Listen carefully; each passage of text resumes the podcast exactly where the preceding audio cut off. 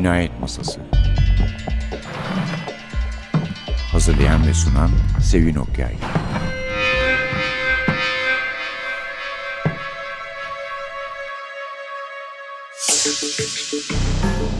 Merhaba, NTV Radyo'nun Cinayet Masası programına hoş geldiniz. Efendim, Jazz Festivali'ni bekliyoruz biliyorsunuz. Haydi keyifli sayılırız. Müzik festivali de iyi geçti. Onun için dedik ki keyifli bir polisiye takdim edelim. Aslında Püriyaya Hanım'ın dişlerinden rahatsızlığı vardı. Onu görmek istemedik. Önümüzdeki hafta rica edelim dedik. Bu arada Supi varımı da maalesef kaçırdık. Gitmem gereken bir yere ben gidemediğim için oldu gerçi ama söz aldık. Ay başında tekrar dönüyormuş İstanbul'a. Önümüzdeki ay başında bir sonraki ya da ondan sonraki programda e, Supi Varım'la birlikte daha önce biliyorsunuz iki kitabını takdim etmiştik burada. E, Labirentten çıkan son kitabını konuşuyor olacağız inşallah diyoruz. Şimdi yakın bir geçmişte bir başka kitabını sunduğumuz bir yazarla birlikteyiz. Tarkin Hall.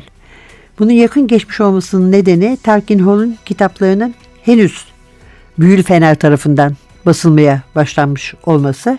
Dolayısıyla ilk kitap ki hatırlarsınız belki Kayıp Hizmetçi vakası idi ve daha önce hiç tanımadığımız, tanışmadığımız, marifetlerinden haberdar olmadığımız Hindistan'ın en özel dedektifi Vishpuri'nin maceralarını anlatıyordu. Serinin ilk kitabı Kayıp Hizmetçi Vakası. Orada işte Mary adında bir hizmetçi kayboluyordu. Kahramanımız işe koyuluyordu falan filan.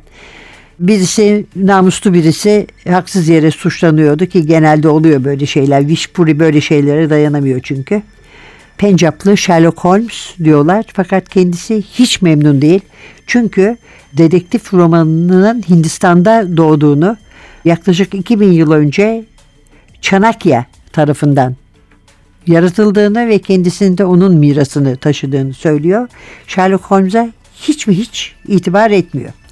Yazar Tarkin Hall ismine aldanmayalım Britanyalı bir yazar. Ancak e, Hintli bir eşi var ve gerçekten de Hindistan'ı iyi tanıyor. Şimdi de elimizde ikinci kitap var. Aslında serinin ikinci kitabı değil, bizden çıkan ikinci kitap. Gülmekten Ölen Adam vakası. Tarkin Hall kitaplarının isimlerinin orijinalleri.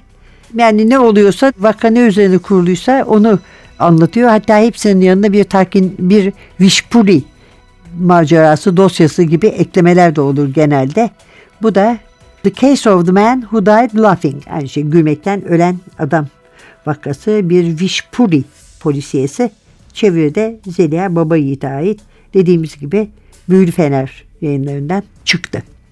Şimdi burada öbür kitapta da üzerinde durduğumuz ve çok beğendiğimiz şeylerle yeniden karşılaşıyoruz. Bir defa bir Pencap atmosferi, bir Pencap havası ki o hava bazen çok sıcak, çok ıslak ve çok rahatsız edici olabiliyor. Muhtelif yerel dillerden ya da onların karışımından oluşan bir sözlük, kelimeler ki hepsinin anlamları küçük bir sözlükle arkada belirtiliyor. Bir de yemekler tabii. Hatırlarsanız Vişpuri hayli heybetli bir zattı. Göbek kısmından söz ediyoruz. Çünkü yağlı ve soslu yiyeceklere dayanamıyor.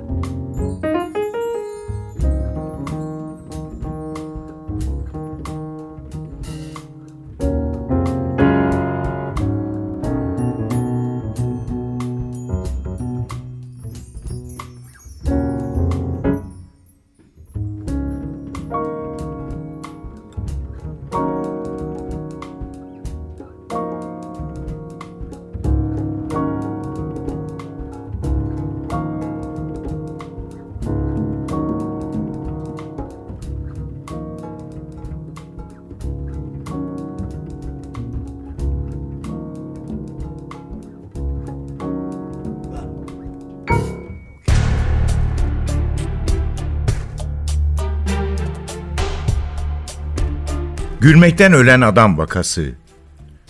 Ama bu kez durum farklıydı. Bu kez duramıyorlardı. Ben, ben kendimi kontrol edemiyorum, dedi Profesör Pandey kahkahaların arasından. Ve ayaklarımı da kıpırdatamıyorum. Doktor Ja olduğu yere kök saldığını hissetti. Karat ve grup tanında aynı şeyi hissetmesi hepsini telaşlandırdı. Hepsi yere bakıp kendilerini yere bastıran şeyin ne olduğunu anlamaya çalıştı. Bunu yaparken ayak bileklerinin etrafında bir sis oluştu. Kısa süre içinde sis toprağı kaplayıp baldırlarına çıktı. Yalnız Sharma olanlardan etkilenmiyordu ama o da kıpırdamaya cesaret edemiyordu. Raypat boyunca ağaçların gölgesinde tembellik yapan başıboş köpekler adamların etrafını sarıp havlamaya, ulumaya başladı. Tepede daireler çizen düzinelerce kova uğursuz bir şekilde bağırıyordu. Gökyüzü kararmıştı. Gök gürültüsü duyuldu. Kör edici bir parıltı oldu. Ardından grubun ortasında ürkütücü bir figür belirdi. Korkunç derecede çirkin, simsiyah yüzlü, kanlı ağzından iri dili çıkan, dört kollu kadın, boynunda insan kafa taslarından oluşan bir kolye ile havada yüzüyordu. Gülmeye devam eden ama aynı zamanda dehşeti yaşayan adamlar, Tanrıça Kali'yi hemen tanıdı. Kafir diye gürledi cadının tiz sesi, sis etrafında yükselirken. Tanrıça uzun, buruşuk işaret parmağını Doktor Ja'ya uzattı. Havaya doğru kaldırdı. Yerden biraz daha yükseldi. Bir elinde kan lekeli bir kılıç, diğerinde bir adamın kesik başı vardı. Ben Kali'yim, Shiva'nın arkadaşı. Ben kurtarıcıyım. Ben ölümüm. Ağzından ateş fışkırdı. Sen bana hakaret etmeye cüret ettin. Benim gücümle alay ettin. Kanın tadını alacaksın. Tanrıça alevler saçarak havada Doktor Ja'ya doğru kayarcasına ilerledi. Kargaların sesi ve köpeklerin uluması şiddetlenmişti. Zavallı ölümlü. Nutkun tutuldu mu şimdi? dedi Tanrıça gülerek. Doktor Ja Tanrıça ile yüz yüzeydi. Görünmeyen güç yüzünden ayaklarını hala oynatamıyordu. Dehşete düşmüş görünüyor ama hala gülüyordu. Şimdi öl diye bağırdı Kali. Kılıcını kaldırıp Doktor Ja'nın göğsüne soktu. Yaradan ve ağzından kan fışkırdı.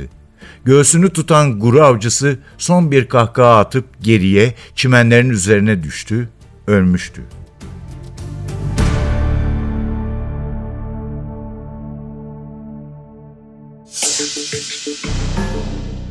Efendim burada tam şey de var. Tam orijinal adı The Case of the Man Who Died Laughing from the Files of Vish Puri Most Private Investigator. Özel dedektif.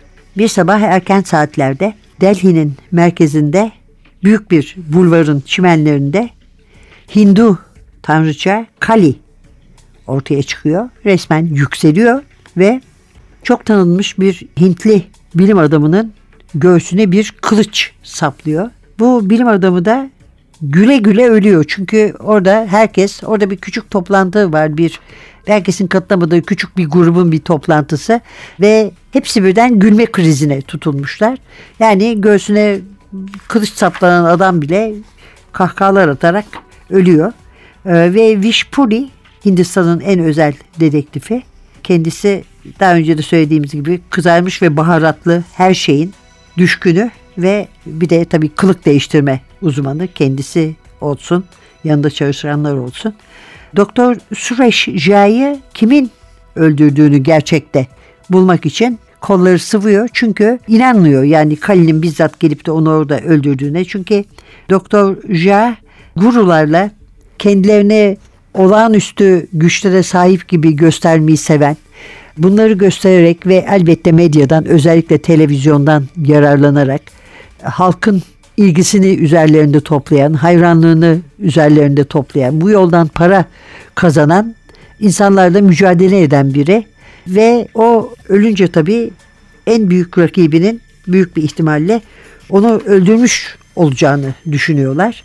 Doktor Suresh Jha çünkü Delhi Mantık ve Eğitim Enstitüsü'nün kurucusu ve Gülme Kulübü arkadaşlarıyla birlikte hiçbir şeyden şüphelenmeden oraya geldiğinde dört kollu tanrıça tarafından öldürülünce kim öldürdü diye düşünürsünüz. Elbette en fazla aleyhinde konuştuğu kişi. Ve daha önce de gördüğümüz Puri kitabında müfettiş Jagat Prakash Singh Puri'ye başvuruyor. Çünkü Puri mucizelere inanıyor ama burada bir anda Halil'in ortaya çıkıp da dediğimiz gibi Ja'nın mücadele ettiği, karşı çıktığı kişi tarafından öldürülmüş olabileceğine inanmıyor. Ve oraya sabahın erken saatinde uzun beyaz sakalı, ucu açık sandaletleri ve dotisiyle gelmiş olan ve ilk bakışta bir sofuya benzetilecek olan emekli matematikçi, bilim adamı, din adamlarının tam antitezi Doktor Ja, baş düşmanı da en ünlü ve muhtemelen en güçlü düşmanı da Maharaj Swami Hazretleri Swamiji ya da herkesin kullandığı adıyla son 3 yılda ün kazanmış. 30 milyondan fazla takipçisi var. Bir aziz gibi saygı görüyor ve Kanal Om'da dünyanın her yerinden milyonlarca kişi tarafından izleniyor. Safran rengi kaftanlı Godman.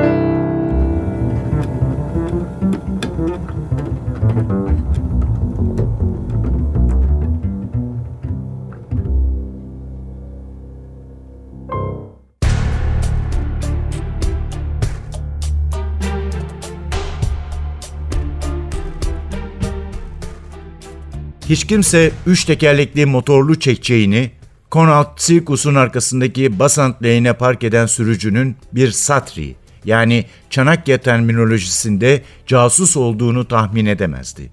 Ayrıca onun şehirdeki her yeri, yasa dışı kriket bahsi oynanan inleri ve horoz dövüştürülen mekanların yanı sıra en iyi kalpazanları, kaçakçıları, kasa hırsızlarını, kullanılmış viski şişesinden düğün gecesi hikayelerine kadar her şeyi tedarik edebilen kişileri tanıdığını da bilemezdi. Bir gözü kör olan adam, kınalı saçları, yağ lekeli giysileriyle Delhi'nin her yerde var olan kargaları gibi dikkat çekmeden şehre karışıyordu. Ailesi bile onun özel hayatını bilmiyordu. Baldev Pavar belki bir gün üç çocuğu yeterince büyüyünce bunu onlara söylerdi. Ama şimdi çok riskliydi. Gerçek kimliği ortaya çıkarsa hayatı tehlikeye girer, iş yapma becerisini kullanamazdı. Daha kötüsü babasının gözünden düşerdi. Baba Pavar en iyi aile geleneğine uyarak hayatını profesyonel hırsız olarak geçirmişti. Babası gibi, babasının babası gibi o da oğullarının yeterli, usta hırsızlar olabilmeleri için çok çalışmıştı. Baldev 7 yaşından itibaren yan kesicilik yapmayı ve teyzelerin çantalarını çalmayı öğrenmişti. Ergenlik çağındayken kilitler, kontaklar ve kasalar konusunda uzmanlaştı. 20'li yaşların ortalarında banka soymaya başladı. Ama Pencap Ulusal Bankası'nın Faridabad şubesinin kasasını boşaltıp farelerin istila ettiği bir hücrede 5 yıl geçirdikten sonra imkansızı başararak düzelmeye karar verdi. Baba Pavar yıkılmıştı. Hırsızlık ve dolandırıcılık oğlunun kaderiydi. Çete hırsızlığının onun kanında olduğuna inanıyordu. Ama Hindistan değişiyordu. Sırf belirli bir kast, kabile ya da klanda doğdunuz diye atalarınızın iş tanımına bağlı kalmanız gerekmez diye itiraz etmişti Baldev. Baldev, namı diğer Floresa'nın Vishpuri'nin ajanlarından biri haline gelmesi başlı başına bir hikayeydi. Şu kadarı söylenebilirdi ki Baldev bu hikayeyi ne babasına ne de yakınlarda yaşayan ve aile işini devam ettiren kardeşlerine anlatabilirdi. Gerçeği öğrenmelerindense onun basit bir motorlu çekçek sürücüsü olduğuna ve doğuştan düşmanları Yassos için çalıştığına inanmaları daha iyiydi.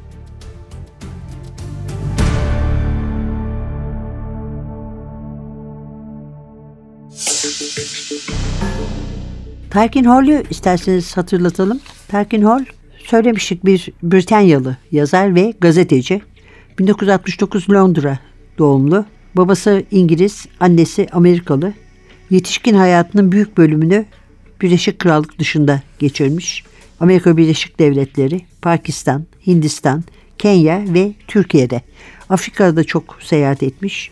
Aynı şekilde Orta Doğu ve Güney Asya'da da. Yedi kitabı var pek çok İngiliz dergisine yazılar yazmış. The Times, Sunday Times, Daily Telegraph, Observer ve New Statesman gibi TV haberlerinde çalışmış gazetecilik faslı bu. Ve Associated Press TV'nin sabık bir Güney Asya büro şefi. Çok şey hakkında yazmış. Yani ilgi alanı geniş bir adam. Teksaslı çıngıraklı yılan avcıları, Taliban, Britanyalı, Asyalı, Urdu şairler ve yani sonsuza kadar gider. Mesela bunların arasında bir tane bir de profil var. Ee, Emma McCune'un profili. Emma McCune Güney Sudan gerilla komutanı Riek Machar'la evlenen bir İngiliz hanım. İşte Saddam Hüseyin Irak'ın bataklıklarını nasıl kuruttu. Hatta hatta Suriye'de Abdullah Öcalan'la yapılmış bir söyleşisi bile var. Hem e, İngiliz basın tarafından çok beğenilen bir yazar, onu da söyleyelim ve e, bu seride çok beğenilen bir seri oldu. Kendisi Delhi'de yaşıyor. Hindistan'da doğmuş BBC muhabiri ve sunucusu Anu Anant'la evli. Küçük bir oğulları ve kızları var. Dediğimiz gibi çok beğeniliyor. Bu işe devam ediyor. Aslında bu diziye kesinlikle devam etmesini isterim doğrusu. Çünkü insana bir nefes alma yeri veriyor. Özellikle seri katil kitaplarından sonra Vishpuri'nin sorunlarıyla karısıyla olan sorunlarıyla ki başlıca sorun karısının fazla yeme demesinden kaynaklanıyor ya da onu yeme şunu yeme yağlı yeme şeklinde. Annesiyle olan sorunlarından şimdi babası da polis olduğu için Wishburne'in annesi polis bir kocanın karısı ve dedektif bir oğlun annesi olarak kendisinin de dedektiflik yapıp esrar çözebileceğine inanıyor. Aslında pek haksız da sayılmaz ama Wishburne'in Pencaplı gururu anlaşıldığı kadarıyla buna izin vermiyor. Bir türlü kabul edemiyor onun kendisine faydası dokunabileceğini. İşte böyle bir dünya doğrusu Pencap'ın Delhi'nin sıcakları her ne kadar insanı okurken bile şey yapsa da bunaltsa da gene de kitapların neşesinin bize de bulaştığını söyleyebiliriz. Neyse ki o yiyecekler burada yok da bari onlara boşu boşuna özenmiyoruz.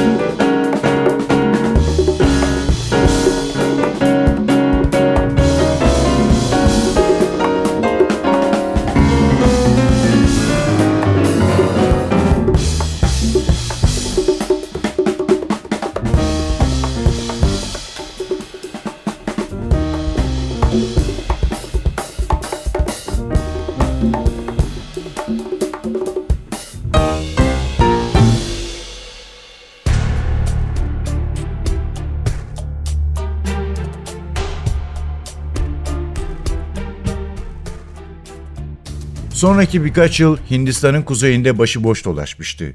Assam'da turne yapan bir tiyatro grubuna katılmış, Mumbai'de barmen, Delhi'li zengin bir ailede ayah olarak çalışmıştı. Arada korkunç şekilde sona eren bir de evlilik geçirmişti. Puri onunla ilgili şu özellikleri fark etmişti. Karşı cinse güvenmiyordu. Alkolü kötülük olarak görüyordu. Gece kuşuydu. Bir kavgada çoğu erkekten daha iyi dövüşüyordu. Belki uzak bir ihtimaldi ancak bir çocuğu da olabilirdi.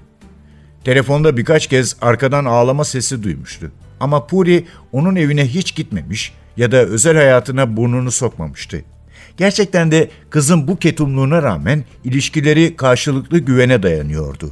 Sağır Dabavallah vakası sırasında Mumbai'de buluştuklarında Puri onun hayatını kurtarmıştı. Sonuç olarak kız gizli ajan olarak Puri'nin yanında çalışmak üzere Delhi'ye taşınmıştı. Her duruma uyabilmesi ve bir sürü yüzü olması nedeniyle Puri ona yüz kremi adını takmıştı. Ama Puri şimdi ona kızın geniş kaynaklarını bile zorlayacak bir görev veriyordu. Ebedi sevgi evine Maharaj Swami'nin Haridvar'ın kuzeyindeki aşramına katılacaktı. Bir gece önce Mont Kailash Otel'de yüz kremi Puri'nin açıklamalarını dikkatle dinlemişti. Açıkça konuşmak gerekirse şimdiye kadar cinayeti Swamiji'ye doğrudan bağlayan bir şey ortaya çıkmadı demişti Puri. Ama Doktor Ja'nın hazretlerine ait bir dosyası elimde. Soruşturma için bütün dayanaklar orada. Doktor Ja, Swamiji'nin eski ortaklarından üçüyle de konuşmuş. Tabii ki bunların hepsi kayıt dışı konuşmalar. Görünüşe göre bizim Goodman politikacılar için para aklamada çok aktifmiş. Bu ebedi sevgi evi aynı zamanda çamaşır makinesi evi de sayılabilir. Kara para içeri girip beyaz olarak çıkıyor. Doktor Ja, bilgi edinme özgürlüğü kanunu kapsamında Swamiji'nin yolsuzluklarını kanıtlamaya çalışıyordu. Bu yüzden Aşram'ın Hindistan ve İsviçre'deki sayısız banka hesabının finansal kayıtlarını istedi. Bu yüzden Doktor Ja, Swamiji için bir baş belası haline geldi. Doktor Ja'nın politik düşmanları vardı diye belirtmişti yüz kremi. Belki de katil onlardan biridir. Onların tarzı kafaya sıkılan birkaç kurşun olurdu, değil mi? Puri ayrıca yüz kremine muhteşem Manish'in, Maharaj Swami'nin gizli geçmişi ve kişisel hatıra toplama saplantısı hakkında anlattıklarını da tekrarlamış, dosyayı incelemesi için yüz kremine bırakmıştı. Yüz kremi bu sabah otoyol 58'de giderken Doktor Ja'nın Nisan ayında aşramda ölen 26 yaşındaki Manika Jil hakkında edindiği bilgileri de okumuştu. Gazete kupürleri, polis raporlarının kopyaları, tanık ifadeleri ve kızın ailesinin yeminli ifadeleri dosyadaydı. Ayrıca Doktor Ja'nın notlarını, kızın arkadaşlarıyla ve cesedi nehirde bulan çiftçiyle yaptığı görüşmelerin kayıtlarını bulmak da mümkündü.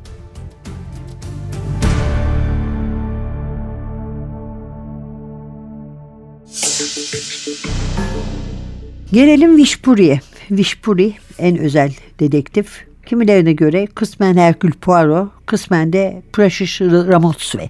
Alexander McCall Smith'in Precious Ramotswe'sini hatırlıyorsunuz herhalde değil mi? Hanım dedektiflerdi Botswana'da.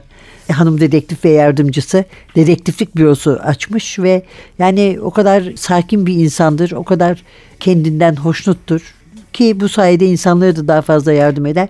Botswana'yı da o kadar güzel anlatır ki ben bir ara yani kitapları daha sık çıkarken ve okurken bayağı gitmeye niyetlenmiştim yani. Pencap'ta bütün olumsuz hava şartlarına rağmen insanda gerçekten böyle bir gitme görme arzusu uyandırıyor. Wishpoint'in izinden yürüyebilmek için. dediğimiz gibi bu bir kılık değiştirme ustası. Yanındaki insanlar da öyle. Onlardan da aynı beceriyi bekliyor yüz kremi, flash, floresan gibi isimler taktığı kendisinin yetenekleri nedeniyle yardımcıları var. Eski moda bir adam, ilkeli bir adam. Modern teknolojiden korkmuyor ama kendi alıştığı şeylerle devam etmeyi tercih ediyor. Tabii ki toplu, topluca da demeyeceğim, basbayağı toplu. Ve kesinlikle pencaplı yani her tür pencap özelliğini taşıyor anlatıldığı kadarıyla. Ve hatırlayacaksınız geçen kitaptan da bu görücü usulüyle evlenme işini ele almıştı. O da işte düğünlerden önce kız ya da erkek tarafı geliyorlar Vişpuri'ye diyorlar ki karşı tarafı bir iyice soruştur bakalım. Sonradan hayal kırıklığına uğramayalım. Onlarla uğraşıyor. Bunda da utanacak bir şey yok. Artık önemli bir iş olduğu için eskiden teyzelerin, halaların, yengelerin yaptıkları bu iş şimdi dedektiflere düşmüş anlaşıldığı kadarıyla. Ben eminim ki ilk kitabı okumuş olanlar onu sevmişlerdi. Dolayısıyla ikinci kitabın çıkmış olması ki birkaç hafta da oldu aslında. Haber de onlara bir küçük müjde olacaktır diye düşünüyorum. Neden söz etmiştik? Anne J'yi çok severek anlatmış Tarkin Holly'e. Çok komik şeyler var onun hakkında. Birisi de söyleşte sormuş. Gülümsüyor musunuz ya da gülüyor musunuz bunları yazarken diye. O diyor ki bazen yani kahkaha atmaya başlıyorum ve durduramıyorum kendimi bir türlü duramıyorum. Çok iyi bir duygu, çok tatmin edici bir duygu. Çünkü bir yandan da nereden baksanız yani insan kendisi bu kadar gülüyorsa yazdıklarına büyük ihtimalle okuyanlar da gülüyorlardır diye düşünüyoruz. Ve Hindu kelimelerden hangilerini sözde koymanız gerektiğine karar vermek zor oluyor mu diye düşünüyorlar. Geçen sefer de söylemiştim bunu ama önemi olduğunu düşündüğüm için bir daha söylemek istiyorum. Hayır demiş aslında öyle bir şey değil. Bazıları kesinlikle gerekli. Mesela kast hakkında ya da Hinduizm hakkında Hindistan dışındaki insanların aşina olmadığı, bilmediği kelimeleri kullanmadan hiçbir şey yazamazsınız. Ama bazen ben de çok gerekli olmadığı halde bazı kelimeleri dahil ediyorum.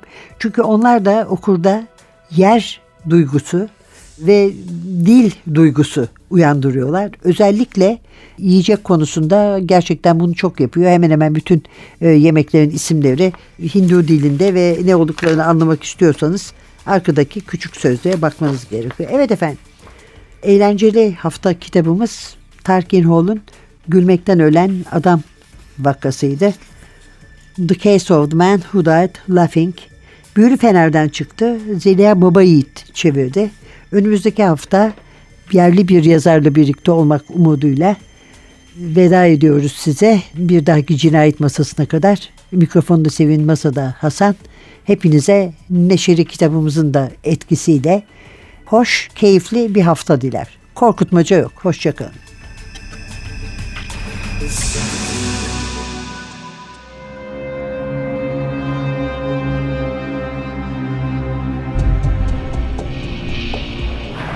Cinayet Masası. Hazırlayan ve sunan Sevin Okyay